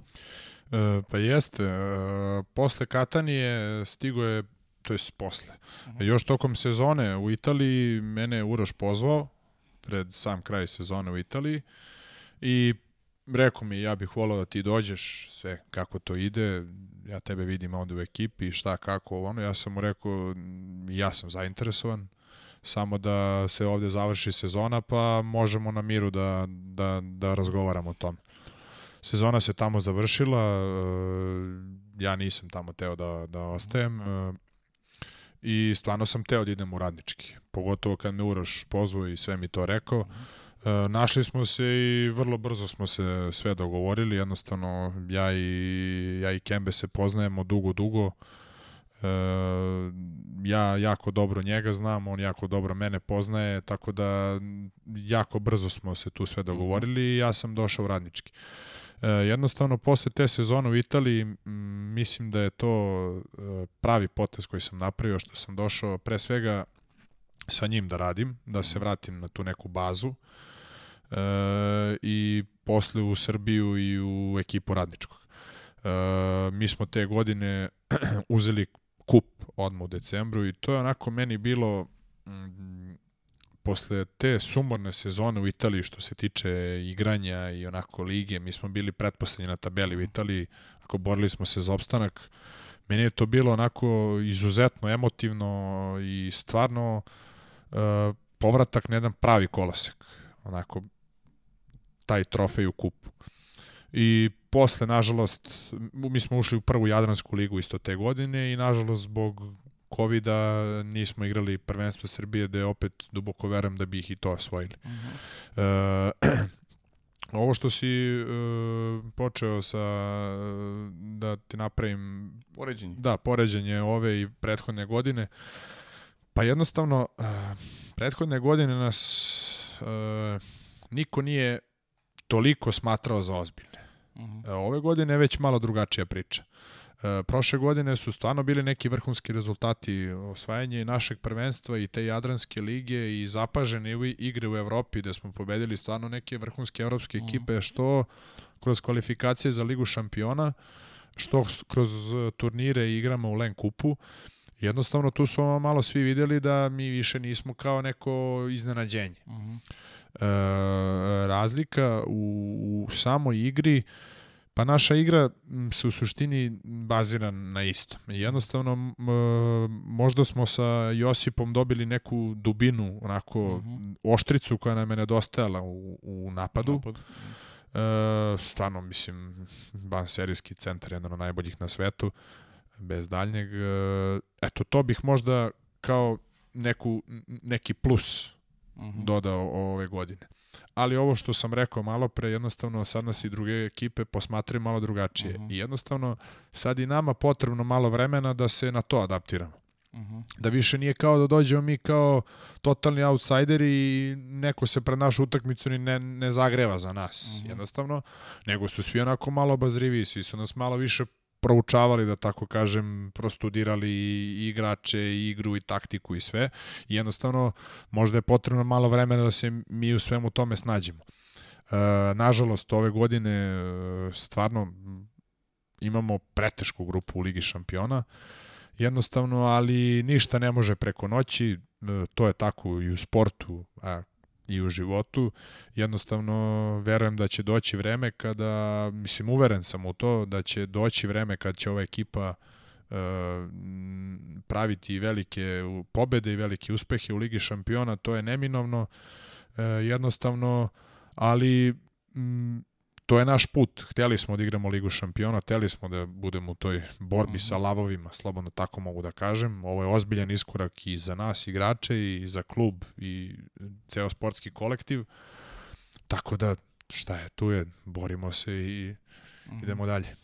Kaži mi ovaj, za, za, za kraj ovog, nazovi sarednog i mog dela, a, gde sebe vidiš u, u, u budućnosti? Koliko si vezan ugovorom za radnički, da li u radničkom vidiš svoju budućnost ili, ili prosto, eto i ti u zavisnosti situacije ćeš negde kreirati svoje planove? Pa ja sam vezan i ugovorom još godinu dana sa, sa mm. radničkim, jednostavno sebe vidim u tom klubu. Uh -huh. uh, mislim, stvarno vrhunski uslovi, vrhunski tim, uh, to već svi znaju i svi vide. Uh, ja sam tamo prezadovoljan, eto, kapiten sam ekipe, jednostavno sebe upravo tu vidim i sve dok je tako ja sam srećan. Mm -hmm. Ima Fići još mnogo naravno tema, ali da, da damo, da damo ovaj priliku i, i gledalcima. Bilo je pitanja, samo da pa ću eto u hodu, ako se još nekih stvari budem uh, setio, pitaću te da vidimo uh, Leno Leno 7, da li ima ponudu iz Sjedinjih država? Vjerojatno za studiranje, tako? Nisam imao Nis... ponudu, ali moj najbolji drugar, koji inače bio golman moje, moje generacije, Alen Osmanović, on je isto branio i za reprezentaciju mlađe kategorije, bio rezervni golman u Partizanu. Uh, on je dobio ponudu da ide u Ameriku na studije mm -hmm. i mhm. on me onako nagovarao da, da i ja to da ja odem sa njim, da ja, ali jednostavno nisam sebe video tamo, to nekako nije bio moj put. Uh -huh. Tako da sa njim sam imao ospine razgovore o tome, nikakvu konkretnu ponudu nisam imao od nekog univerziteta, ali e, i da sam imao, verovatno ne bi otišao. Uh -huh. E, vremena na 50, 100 i 200 metara, to su već njegovo običajne pitanje. Uh, pa, ne znam tačno, dugo nismo merili, ali... Uh, ne znam brzo su vremena, ali dugo, dugo nismo merili, stvarno. Uh -huh. e, baš, evo, od kad sam u radničkom nismo merili maksimalno ni 50 ni 100 ni 200 uh -huh. Kaže, najteži plivački trening? Najteži plivački trening mi je 80 puta 100. To smo plivali Uf. kod Vlade Vujosa za kaznu pošto smo otišli na punoletstvo jedno i to su bile pripreme, reprezentacije, vikend pripreme, tako da mi je to najteže plivanje, 80 puta 100, meni, bez pauze i bez tajne. Meni nije dobro, sad kad pomislim samo. I to ujutru, da, u balonu, u balonu u košutnjaku. Na prazan stomak, naravno. Da. E, e, veliki pozdrav Jasminu Hariloviću, drago mi je da si se javio, a evo ima samo poruku. Kaže, veoma kulturan i vaspitan momak, puno uspeha u nastavu karijere. Hvala, hvala Jalet. E, Đole, Đole, gde najviše voli da jede u Kragujevcu? Uf, pa ima mnogo mesta. Volim da jedem u Vegi, uh, volim u Mustangu i Kano. Eto, ta tri restorana bi izdvojio. Bio u posljednje dva, ovom nisam, dobro. St e, straja, krojač iz Jatagan Male. To Straja Bingo Star, pa to mi je, to mi je bilo, to mi je bilo ime na fantaziju. Aha. Uh, Jatagan Malci, to mi je bilo ime ekipe prošle Aha, godine aha. na, na fantaziju. Straja. E, neki Dimitrij Stičević insistira na još nekom doživlju sa Sicili. Ne znam ko je taj. Ne znaš ko je taj? Ne. Pa ima, ima raznih doživljaja. Aj, ako se setiš, a? Samo da se setim, ima ih mnogo. E, Ima ih baš mnogo. I iz izlazaka, i, e, i, sa, i sa plaža, i svega. Uf, pa imam, imam, ima mnogo toga. Pa ima kad smo, ima kad smo na etnu išli, ima kada, kada, kada smo pravili, pravili roštilj e, kad su došli drugari naši na, na, na Siciliju, kad smo pravili roštilj tu u kući, pili i sve ostalo, kupali se. E, mislim, svašta ima, jednostavno, ne znam šta bi još izdvojio. Ima mnogo toga. Dobro. Đole Šormaz, kako mu se svideo Savor i gde je bio za novu godinu? Uh, uf, pa ne sjećam se gde sam bio. Šalim se, bio sam u Savoru za novu godinu i stvarno je super lokal. Dobro, to je vjerojatno i htio da čuje. Pa da, da ga malo nahvalim ovde. Dobro, i treba sve, okej. E, sad da vidimo, pošto e, mi se rađujemo sa našim e, kolegama iz Kragu i sporta, tako da si oni ovaj, Da, da. postavili ovaj, e, za pitanja su uključili svoju publiku, pa evo imaš neka pitanja, nema veze što smo neka prešli, ajde podsjetit ćemo, kaže, kakav je osjećaj dati tri gola u finalu Kupa Srbije? Uh, pa stvarno fenomenalan. Tri gola u, u finalu, fenomenalan osjećaj. Uh -huh. Kaže, koliko trofija u Kupu Srbije znači za daje tog sezone? E, mnogo, mnogo. To je prvi, prvi onako trofej, prvo finale koje, koje je u sezoni. E, svakako veliki postrek za dalje, jednostavno onako e, ekipa je ekipa poraste posle tog prvog trofeja dodatno. Uh -huh. Eto, tako da izuzetno, izuzetno znači kup. Šta misliš, šta je, šta je limit neki radničkog ove godine? Liga šampiona ostala, imamo i domaće prvenstvo, naravno niste favoriti ni jednom i drugom, niste u krajnjem slučaju bili ni u kupu. Da, Što se tiče rezultate, vi ste ovu sezonu već, možemo reći da je uspešna godina. Kako god da se završi. E, sad je onako u vašim O- glavama... Ovo je velika stvar što smo radili osvajanjem kupa, ali ja se ne bih na tome zaustavio, Mhm. što neće ni, niko iz moje ekipe, iz Mhm. kluba. Jednostavno, ovo nam je e, vrhunski rezultat, ali idemo, jo, idemo dalje, idemo još da osvajamo. Regionalna Znači, idemo liga, na to da osvojimo regionalnu, da odbranimo, što je Mhm. teže nego osvojiti, i da osvojimo i prvenstvo. Eto, jednostavno, e, sa ta tri trofeja, jednostavno ne vidim da je naš limit jedan trofej ove Mhm. godine. Mi nismo outsideri ni u jednom takmičenju što što igramo, što smo pokazali prošle godine da jednostavno nismo bili ni u četiri ekipe po meni na Jadranskoj ligi, pa smo osvojili. Mhm. Tako da ovaj trofej je super, veliki rezultat, ali samo još jači podstrek da vidimo da možemo za sve ono što sledi. Mhm. Kaže, koji ti je trofej najdrži u karijeri? E, Jadranske lige. Mhm. Koji ti je omiljeni saigrač u karijeri? Omiljeni saigrač.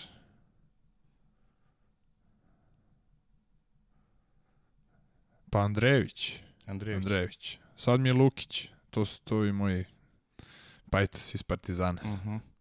E, kako je izgledao put iz Beograda do Kragujevca nakon osvajanja kupa, to smo negdje pričali i tako. No, fenomenalno. Da. Da. Mnogo piva. Malo je duže trajalo. Mnogo piva, mnogo muzike, da. Od pumpe do pumpe. Jeste. E, koliko znači podrška Crvenih đavola, ali i celog grada? E, E, mnogo, znači svakako mnogo e, navijači su nas ispratili na ovaj kup, dali nam vetar u leđa tu, dočekali nas posle toga, bili su uz nas i protiv Breše i protiv Novog Beograda, jednostavno stvarno još jednom hvala im na tome. E, da li je slađe bilo izdominirati u sred Zagreba protiv Juga ili u sred Beograda protiv Novog Beograda? Uh, pa ne zna se šta je slađe. Pa možda protiv Juga u Zagrebu. To je mhm. slađe. Uh mhm. -huh. e, da li bi volio da karijera nastavi u radničkom ili nekom drugom klubu? U radničkom. Evo, nadam se su zadovoljni. Pozdrav Aleksi, pozdrav, pozdrav kolegama iz Kragu i sporta. Idemo sada na još jednu turu. Kaže, igrao si u Predanu, pozdrav Aleksandar Milošević, kaže, igrao si u Predanu Italiji, a rekao da nigde nije atmosfera kao u Kragovicu. Šta je to specifično i drugačije u ovom klubu i gradu? Uh, pa, šta je specifično? Pa specifična je ta energija koju imaju svi oko kluba i mi u klubu koji, koji to uh, zajedno sa svojom energijom osetimo i, i prenosimo na bazen. Uh -huh. uh, jednostavno, uh, svi smo tamo što sam malo pre rekao kao jedna velika porodica.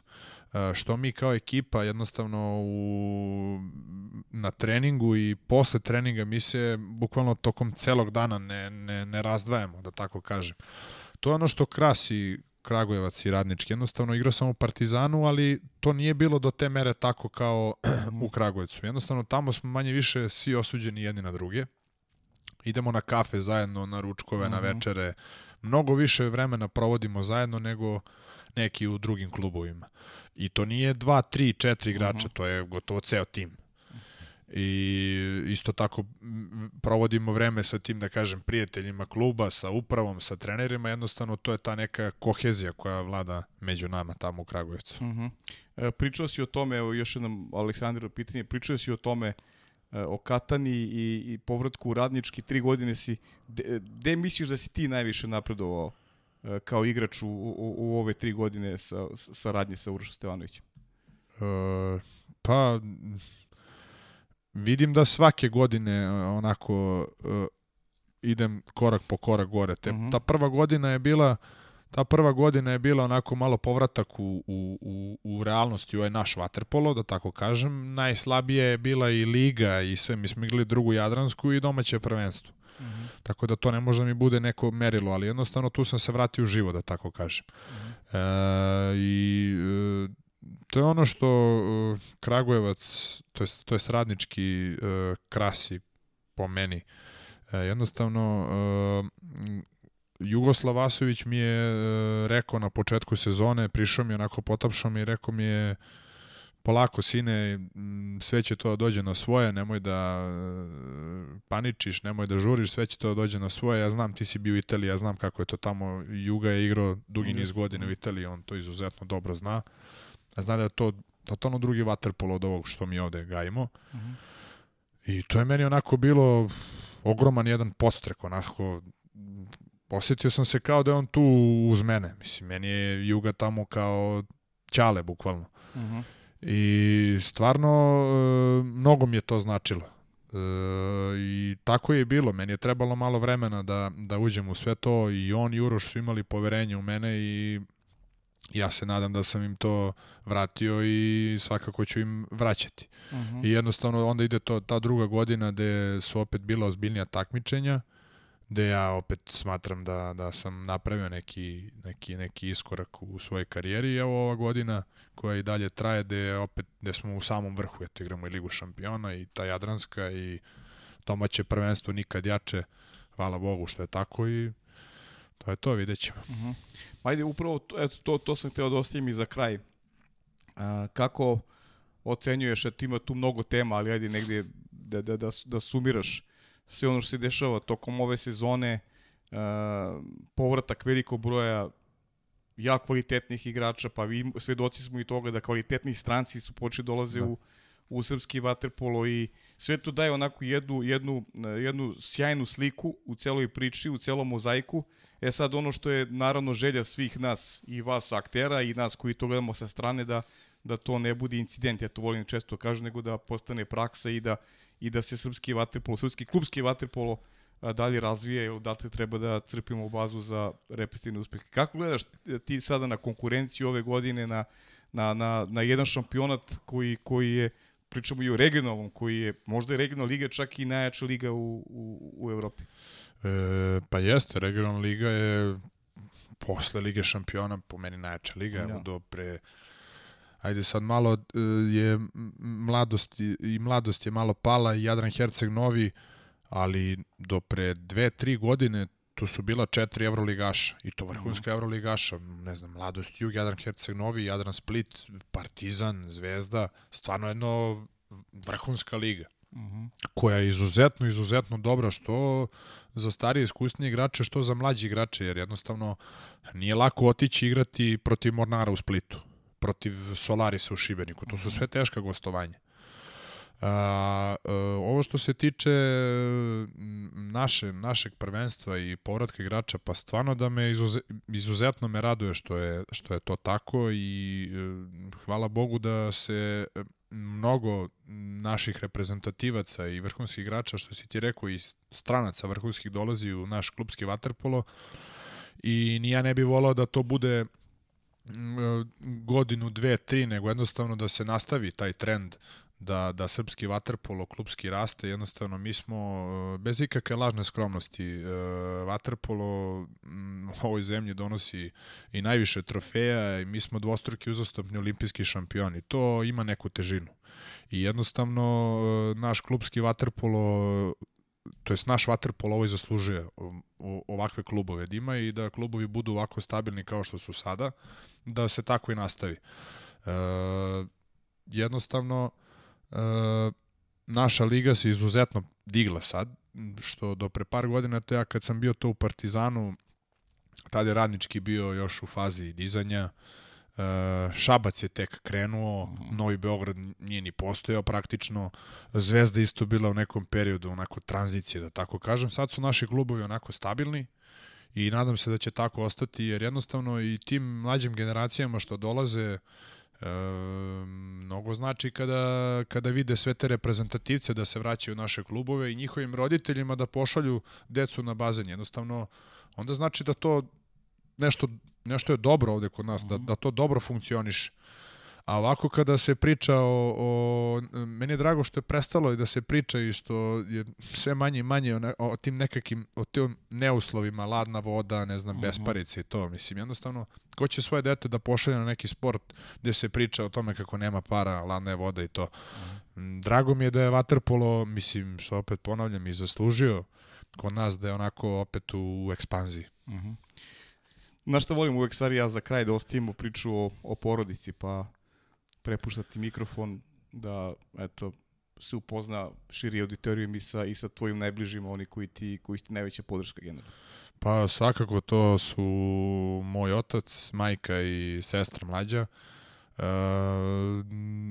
stvarno e, nenormalnu podršku i zaleđenu kod njih imam. E, to je moj najveći oslonac uh mhm. -huh. ovaj, u, u životu i ovaj, vetar u leđa.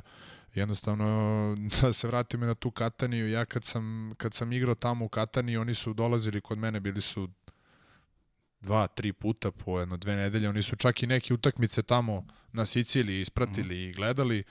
E, ne samo njih, e, baba i deda, koja, baba koja nije propuštala utakmice kad sam bio mm -hmm. u mhm. Partizanu, jednostavno na svakoj utakmici je bila ovde u Srbiji, da. Mm -hmm. e, tetka moja za koju sam isto izuzetno vezan, koja prati moje utakmice, ali ona nema nema snage i ovaj živaca tako kažem da gleda utakmice aha. onako uživo u live. Aha, aha. Ona ovaj sačeka da te utakmice prođu i onda ako smo mi pobedili ona to onako uz čašu vina na miru pogleda, mm -hmm. ovaj ovaj isprati to sve. Obavezno pred neku utakmicu mi pošalje poruku da dam jedan go za nju i tako da mhm. ovaj da je, da je, onako, da, da je posvetim i Tako da porodica je nešto najvažnije i nešto što meni je ogroman vetar u leđa i podrška kako u sportu, tako i u životu. Fićo, e, za kraj, ili ima nešto što ti nismo pitali Sara i ja, a ti bi želao da istakneš? Pa nema ništa, mislim da smo sve, sve smo lepo ispričali.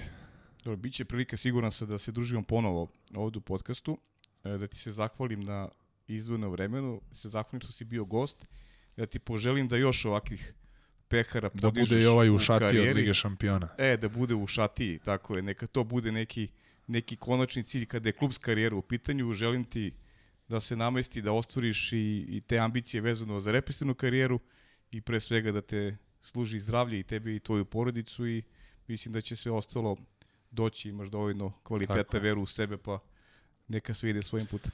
Hvala Pavle tebi i Sari na pozivu i nadam se da je bilo lepo i meni i vama. Još jednom bih poželeo srećan badnji dan i Božić svim vernicima. Takođe, evo, i, i, sa, i sa naše strane, svi koji slave, neka je srećan badnji dan, neka su srećni božićni praznici, a kad je u pitanju narodne emisije podcasta pod kapicom, mislim da je najbolje da se informišete na Sarenom imamo Instagram profilu, pa uskoro imamo i neka prijata iznenađenja, verujem da ćete i vi uživati.